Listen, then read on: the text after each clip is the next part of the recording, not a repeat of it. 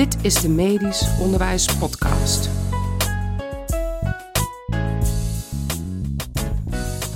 Welkom bij de vierde aflevering van de Medisch Onderwijs Podcast. Deze podcast is te beluisteren via SoundCloud of Apple Podcasts en is nu ook op Spotify te vinden. Mijn naam is Remco Haringhuizen en ik maak deze podcast samen met Hugo, Ron en Mark. In deze aflevering is er eerst kort aandacht voor een praktische vraag. Wat doe je als een student te laat binnenkomt? Hoe reageer je daarop als docent?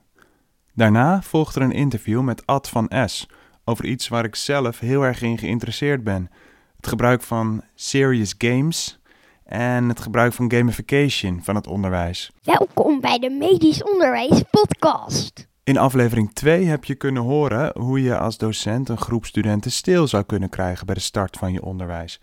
En dan nu de te laat komende student. Stel je voor, je bent netjes op tijd begonnen met een werkgroep, je bent lekker bezig, maar na vijf minuten komt er nog een student binnen. Docenten reageren hier verschillend op. Mijn eigen reactie op deze situatie varieert nogal. De ene keer negeer ik het expres en ga ik zo goed mogelijk door met de les. En soms zeg ik er wat van, in de hoop dat het dan niet vaker gebeurt. En ik was benieuwd hoe anderen dit doen. Ik vroeg het Pim Keurlings, collega-docent in het Radboud UMC, en die zegt hier het volgende over. Je bent met een werkgroep begonnen. Ja. En er komt een eh, student vijf minuten te laat binnen. Hoe ga jij daarmee om? Ja, ik zou proberen op de een of andere manier die student toch kort het woord te geven. Dat hij op de een of andere manier dus laat blijken waarom die nou te laat is. En hoe ik dat vaak doe, is dat als die student binnenkomt, dan ben ik vaak iets aan het vertellen of er is iemand aan het woord. Of ik kom op dat moment aan het woord of eh, iemand stelt mij een vraag. Dat ik dan bewust even stil blijf en oogcontact maak met de student die op dat moment binnengekomen is. En dat ik dan eigenlijk daarmee dus bij hem eigenlijk een beetje de bal neerleg of bij haar. Ehm, nou, van ja, vertel maar eens waarom je nou te laat bent. En eigenlijk vult dan altijd de student dat feilloos in. Dus die begint dan te zeggen van ja, sorry, eh, ik kreeg mijn slot niet open of wat dan ook. En dan hoor je vaak toch wel daar iets in terug. Als iemand dan, naar mijn idee, nog op een acceptabel moment binnenkomt, dan vind ik dat voldoende. En als het dan toch echt te laat is, dan benoem ik dat ook. Dat ik toch wel vind, ondanks dat ik een duidelijk excuus hoor of een duidelijke reden hoor, dat hij nu al zoveel heeft gemist van de, van de werkgroep of van, eh, van het practicum. Dat ik het toch fijner vind als hij het op een ander moment inhaalt. Ja. En als iemand echt heel laat is, bijvoorbeeld een kwartier of twintig minuten? Ja, dan doe ik dat eigenlijk al direct. Ja, dus dan benoem ik al wel direct ehm, dat ik vind dat als hij nu nog mee gaat doen, dat hij echt zodanig veel gemist heeft, dat hij dan eh, eh, te veel gemist heeft. En dat ik dan liever wil dat hij een andere werkgroep eh, inplant. En ook Paul Brandt, de hoogleraar klinisch onderwijs die uitgebreider te horen is in aflevering 2 van deze podcast, vertelt hoe hij omgaat met laatkomers. Student komt vijf minuten te laat binnen. Ja, Wat doe jij? ik spreek de student daarop aan. Op, fijn dat je er bent. Ga zitten. En dan is het signaal afgegeven. Je geeft wel even aandacht? Ja, Oké. ja. Ik zal de student niet wegsturen. Ik zal ook niet zeggen, eh, de volgende keer moet je op tijd zijn. Ik laat wel duidelijk merken, we zijn begonnen, je bent nog welkom.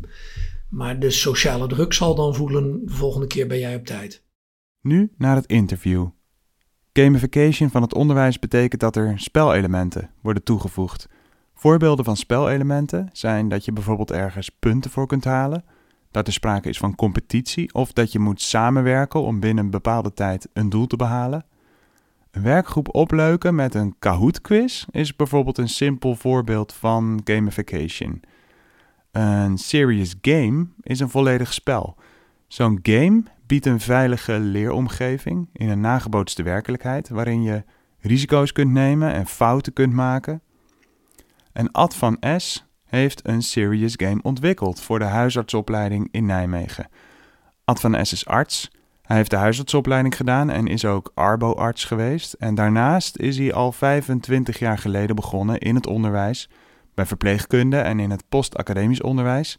En sinds 10 jaar is hij artsdocent bij de huisartsopleiding. In het interview hebben we het over het hoe en waarom van zijn serious game, de reacties van studenten op zijn game en of het spelen van de game effect heeft op de leerprestaties. Nemen studenten het onderwijs eigenlijk nog wel serieus als er een spel van gemaakt wordt? En hoe moet je beginnen als je zelf een serious game wil maken voor in je onderwijs. Het Medisch Onderwijs Podcast Interview. Welkom bij de podcast. Dank je. Ja, ehm, je hebt een eh, werkvorm ontwikkeld, een serious game, mag ik het zo noemen? Ja, dat mag. En eh, kun je daar iets over vertellen? Nou, je doelt op de EBM Escape. Die hebben we ontwikkeld met een aantal docenten van de huisartsenopleiding. Eigenlijk met het doel om het EBM-onderwijs leuker te maken. En EBM is... EBM Evidence-Based Medicine. Ja. En veel AJOS van de huisartsopleiding vinden dat wat taai onderwijs.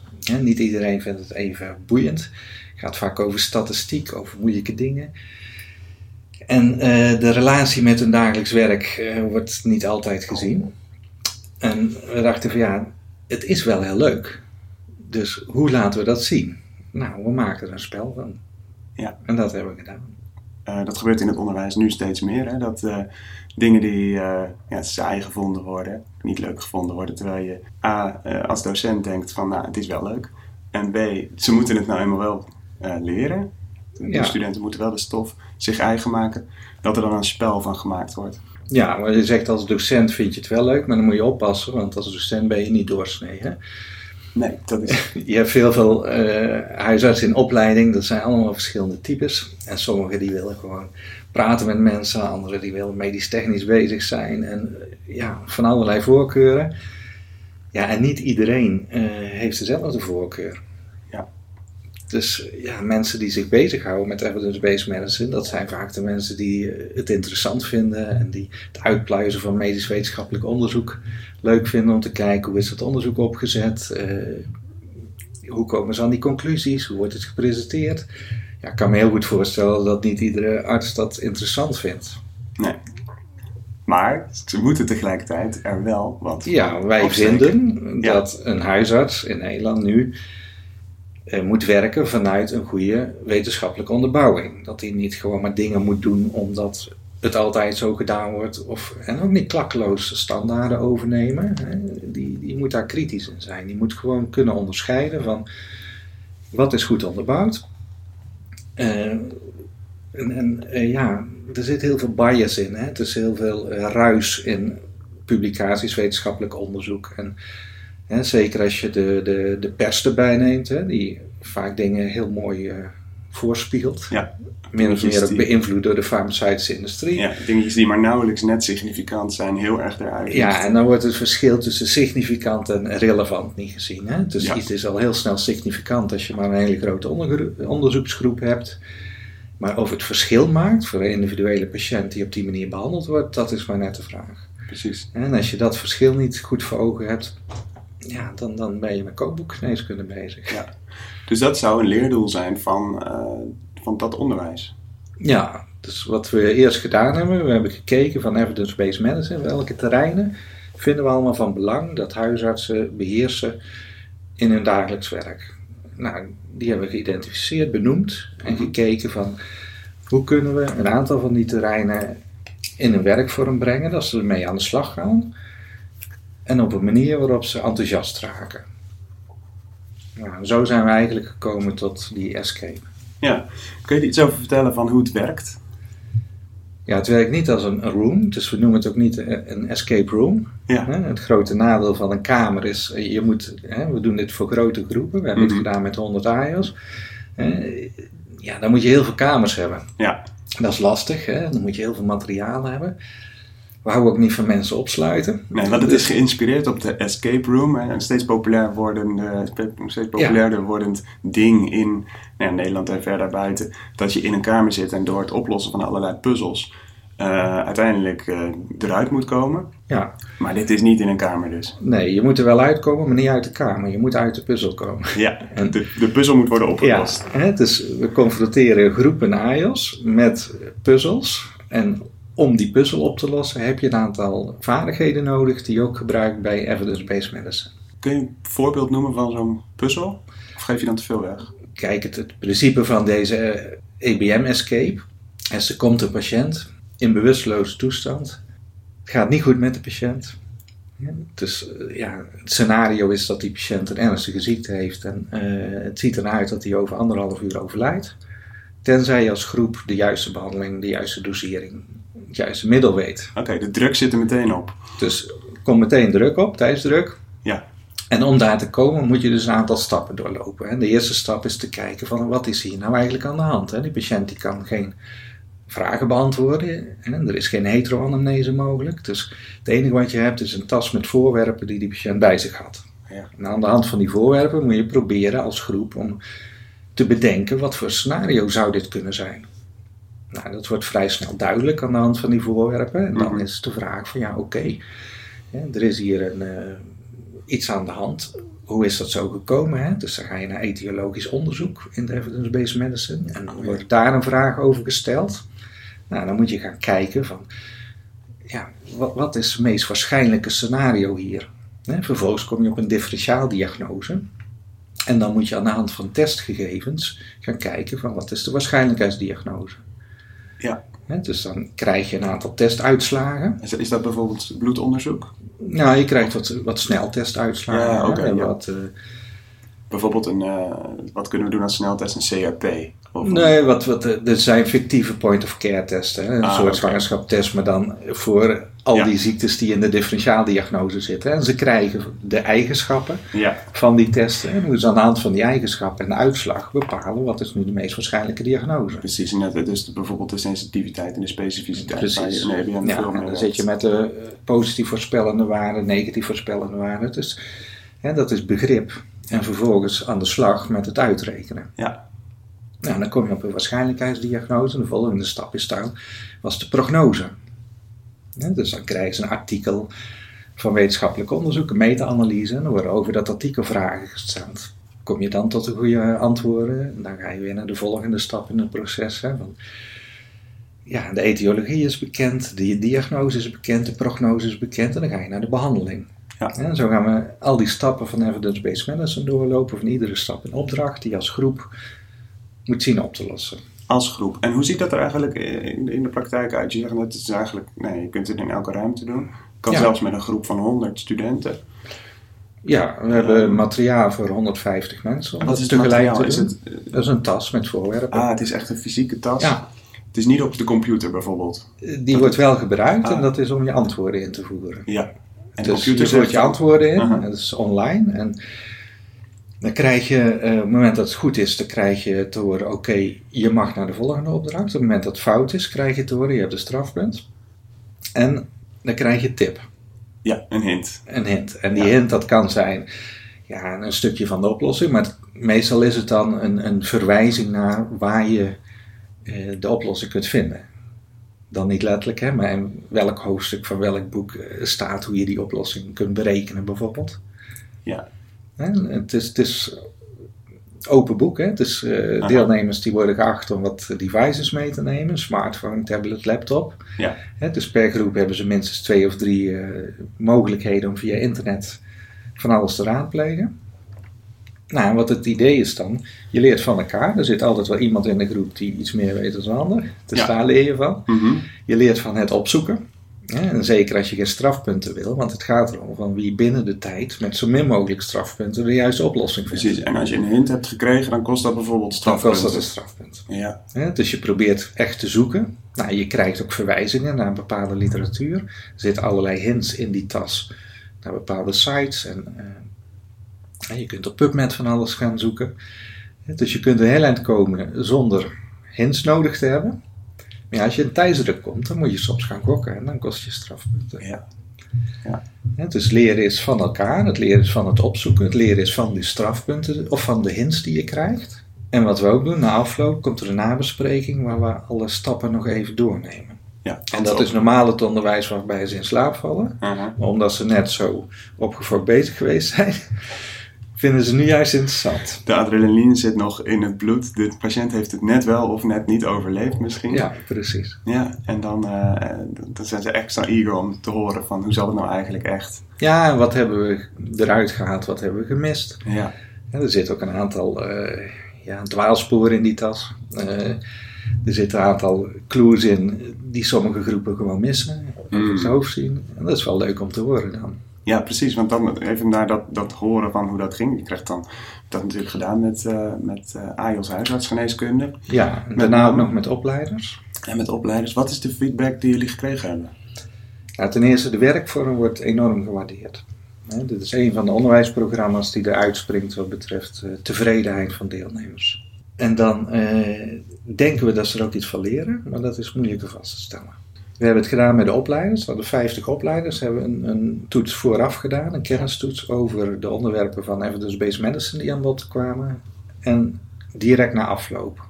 En dan zag je een forse verbetering. Hè. Vooraf scoren ze onvoldoende. Een, eh, 4,6 gemiddeld van al die opleiders. Oké.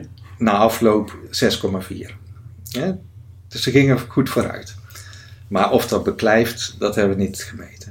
En eh, heb je gemeten wat er gebeurt als, er, eh, als ze een regulier cursus volgen? Een Nee. gewone werkgroep? Nee. Dat zou natuurlijk ook interessant zijn. Ja. Het is heel lastig om effect van onderwijs te meten. Ja. We hebben wel over gedacht van hoe kunnen we dit hè, in de toekomst, want we zijn bezig met nog twee eh, escapes te ontwikkelen. Hoe kunnen we ook aantonen dat dit niet alleen maar leuk is, maar dat je er ook iets mee opschiet, ook beter arts van wordt. Dat is wel heel moeilijk vast te stellen. Dus wat we nu bij de volgende escape willen gaan doen, is kijken, kunnen we aantonen dat je de attitude ten opzichte van evidence-based medicine positief beïnvloedt. Ja. De, de weerstand, kun je Ja. wat van die drempel afhalen. Ja, precies. Dat doet me denken aan iets wat ik las in een artikel. Daar stond eh, in de. ehm, even een artikel van, ik moet even netjes zeggen, van de Medical Education uit eh, 2018. eh, van Alan McDougall. Die zei: We moeten voorkomen dat met zo'n spel. eh, je eigenlijk een soort broccoli met een chocoladelaagje krijgt. Dat het chocoladelaagje is leuk om te zien en lijkt er lekker uit te zien. Maar uiteindelijk blijft het gewoon een heel vies hapje. Ik vind het een hele leuke beschrijving. Ja, sommige mensen vinden broccoli lekker. Dat zijn dan die mensen die dus ja, die ABM eh, niet snappen dat iemand anders dat niet leuk vindt. Ja. En als je iets over kunt dragen van dat enthousiasme voor. En dan denk ik van ja, er zitten heel veel dingen in. Als je bijvoorbeeld gaat kijken naar die, die vormen van bias die in studies zitten. Dus eh, ik denk dat dat interessant is als je daar iets meer van weet. Ik denk dat sommige mensen er niet aan beginnen om daar zich in te verdiepen. Mhm. Omdat ze een drempel voelen en denken ik vind dat saai. Mhm. Op het moment dat je ze over die drempel helpt en een beetje laat merken van hé, hey, het is niet alleen die statistiek en die, die eh, wiskunde, het is ook ja, hoe presenteer je het? Het is communicatie, er zitten andere dingen achter, er zitten Ja. belangen achter. Eh, als je daarin verdiept, dan kun je van een hele andere kant naar zo'n wetenschappelijk onderwijs of zo'n wetenschappelijke studie kijken.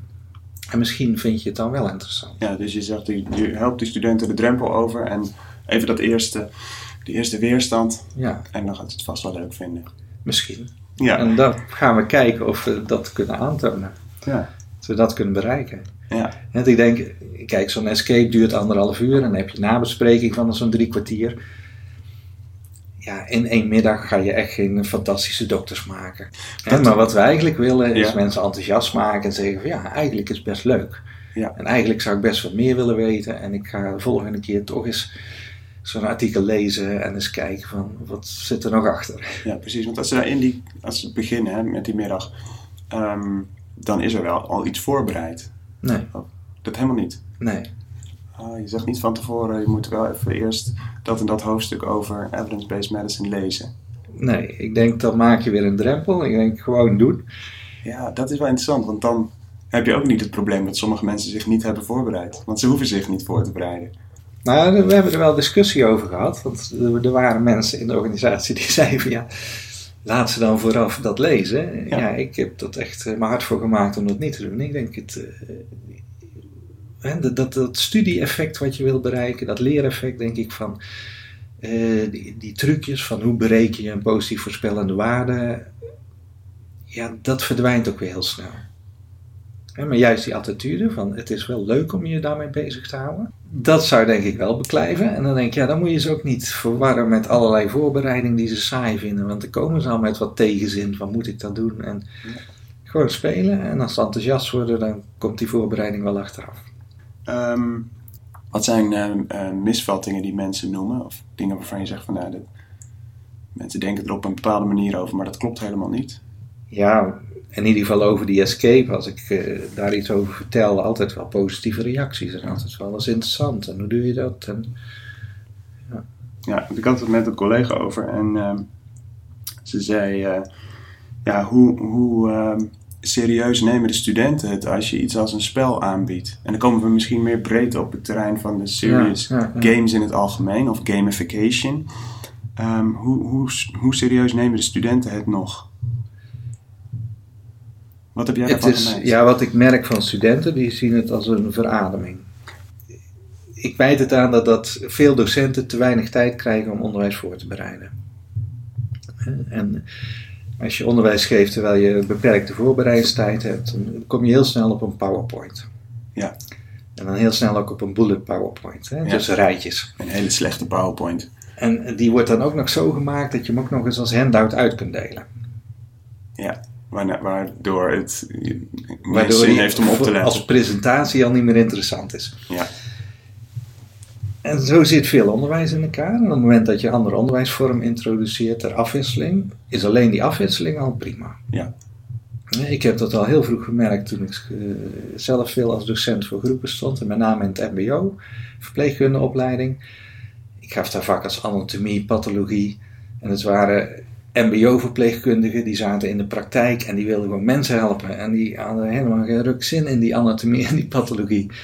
Ja, wil je dan toch interessant houden en toch dat ze zich in blijven zetten en niet afhaken? Ja. Ja, dan moet je af en toe iets leuks tussen doen. Precies, en iets leuks, dat is dan eh, goede voorbereiding. Zorgen dat je wat leuke dingetjes tussendoor hebt.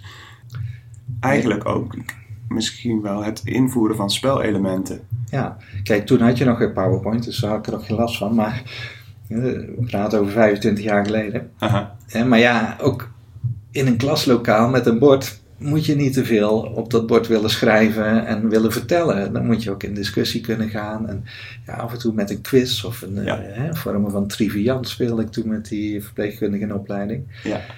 Ja, en dat vinden ze als afwisseling heel leuk. Ja. Hè, dus ik heb altijd bij mijn onderwijs, ook workshops die ik veel geef, eh, dat zijn middagvullende programma's, hè, een, een dagdeel. En als je drieënhalf uur moet vullen, dan doe je dat niet alleen maar met presenteren, met vertellen. Dan moet je mensen ook eh, iets laten doen, laten werken. En ja, vinden ze het heel leuk als af en toe wat speels er tussendoor is. ja, dus je bent eigenlijk altijd al bezig met gamification van het onderwijs. Ik vind het wel belangrijk, het moet wel verband houden met wat je wil, wat je doel is van je, van je les. Ja, Kijk, er wordt heel veel gedaan met energizers. En ja, dan zakt de aandacht in en dan gaan ze ineens allerlei gekke gymnastiekoefeningen doen. Daar ben ik dan helemaal niet zo voorstander van.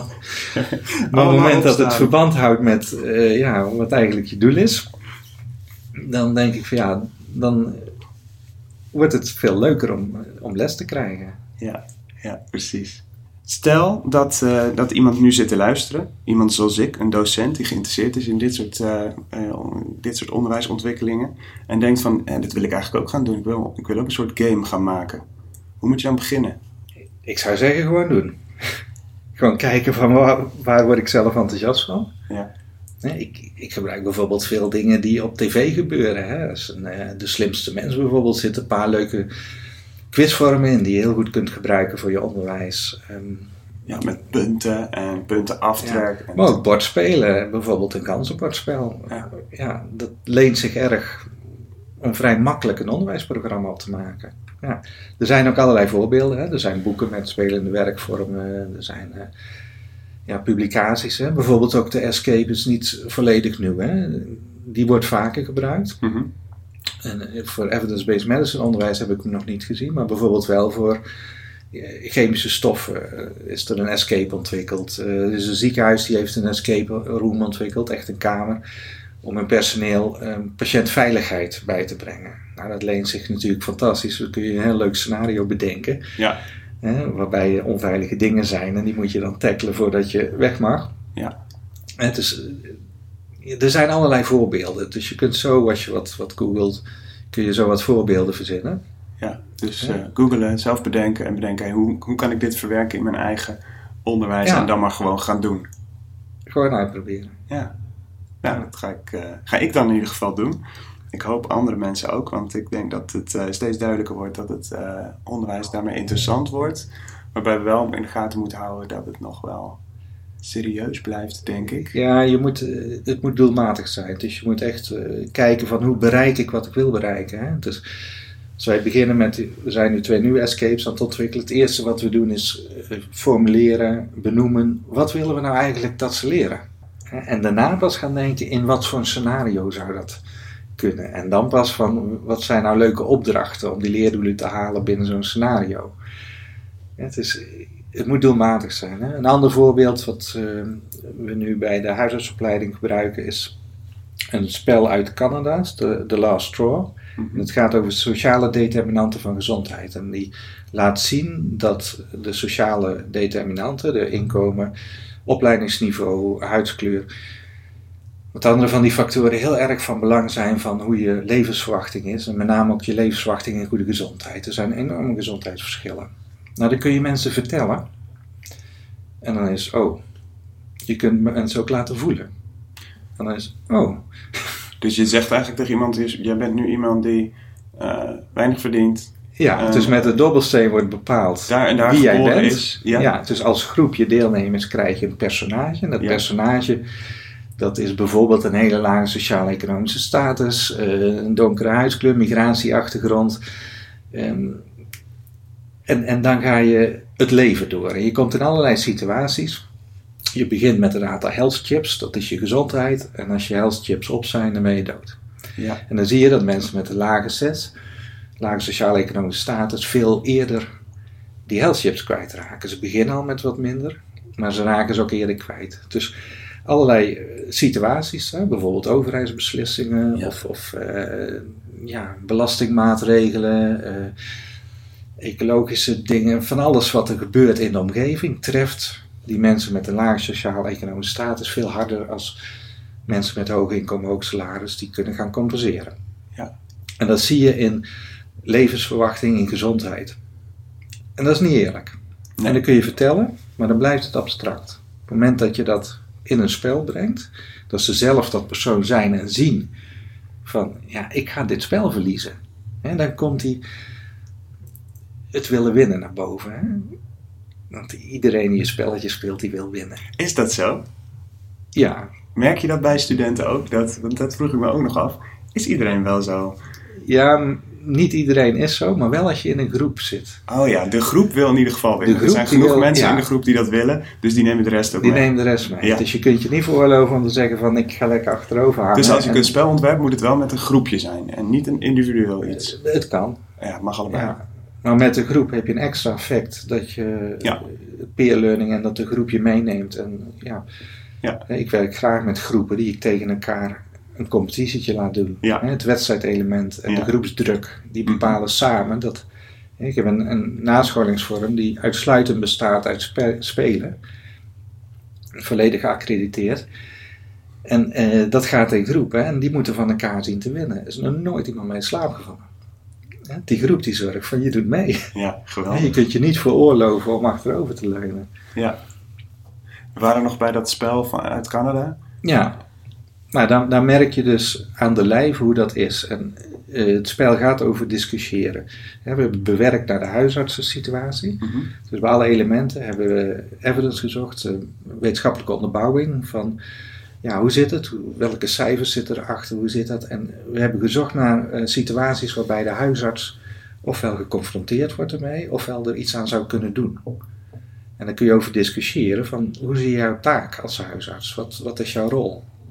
En op het moment dat je dat doet gewoon blanco, hè, vanuit een, een wetenschappelijke publicatie of dan is dat een veel oppervlakkige discussie. Op het moment dat je dat doet met dat spel, Mhm. hè, waarbij sommige mensen echt het idee hebben van, ja, ik word benadeeld. Mhm. Hè, Dat is ook ik, zo. het is niet eerlijk. Mhm. Die gaan dan ook vanuit die, die emotie, die discussie in. En dan krijg je een veel fellere discussie en veel meer wordt het op scherp gezet van, Ja. Ja, hoe, wat kun je hiermee als huisarts? Wat leuk. En dan herken je misschien ook de emoties als die mensen vervolgens bij jou in de spreekkamer aan de andere kant van de tafel zitten. Die Nou, je kunt je in ieder geval bij voorstellen hè, dat je bijvoorbeeld mensen uit een lage sociaal-economische situatie wel kunt zeggen je moet gezonder eten, maar Ja. dat is niet altijd voor ze weggelegd. Nee. Hè. Er zitten ook andere dingen die een rol spelen, van ja, de geletterdheid, eh, het inkomen, de groepsdruk. En ja, het, is, het, het maakt ook een hoop duidelijk. Het is niet dat je alles op kunt lossen, maar ik denk dat je het wel beter snapt. Ja. En ik denk dat het beter overkomt op het moment dat je dat doet in een, een, spelvorm waarbij je echt meegenomen wordt in zo'n rol. Ja, precies. Die indruk krijg je in ieder geval wel, geval wel als docent. En het lijkt me ook gewoon leuk om te doen als docent. Ja. Eerste keer dat we dat spel speelden, we hadden we nog niet omgebouwd naar het huisartsgeneeskundige. Dus het was nog wel vrij algemeen. Mhm. Feedback van AIOS, die zeiden van nou alleen al de werkvorm, het is een verademing. Ja. Dus we hebben niet zo heel veel van geleerd, want het, ja, het is niet echt huisartsgeneeskundig. Mhm. Hè, maar die werkvorm, dat, dat vonden ze echt heel leuk. In ieder geval Ja. weer die verademing, die studenten die dat in ieder geval heel erg op prijs stellen, dat wij met dit soort dingen aan de gang gaan. Jij met name en ik in de toekomst denk ik ook. En eh, waarschijnlijk nog wel veel meer mensen met mij. Dankjewel Ad. Graag gedaan. Je hoorde het. Ad is aanstekelijk positief en hij heeft me enthousiast gemaakt om meer te gaan doen met serious game en gamification in mijn onderwijs. Maar ik zit toch nog met vragen. Ik wil ook graag van studenten zelf horen wat ze vinden van al die game-elementen in het huidige onderwijs. Ik weet nu nog steeds niet of ze zich nog serieus genomen voelen als we overal een spelletje van maken. En ik wil meer weten over onderzoek naar de effecten van serious games en gamification. Dit is dus waarschijnlijk niet de laatste aflevering geweest over dit onderwerp. En wil jij dus, net als ik, ook nog meer weten over serious games en gamification in medisch onderwijs? Houd dan in ieder geval deze podcast in de gaten op SoundCloud, Apple Podcasts of Spotify. Of op onze website medischonderwijspodcast.wordpress.com. Bedankt voor het luisteren naar de Medisch Onderwijs Podcast.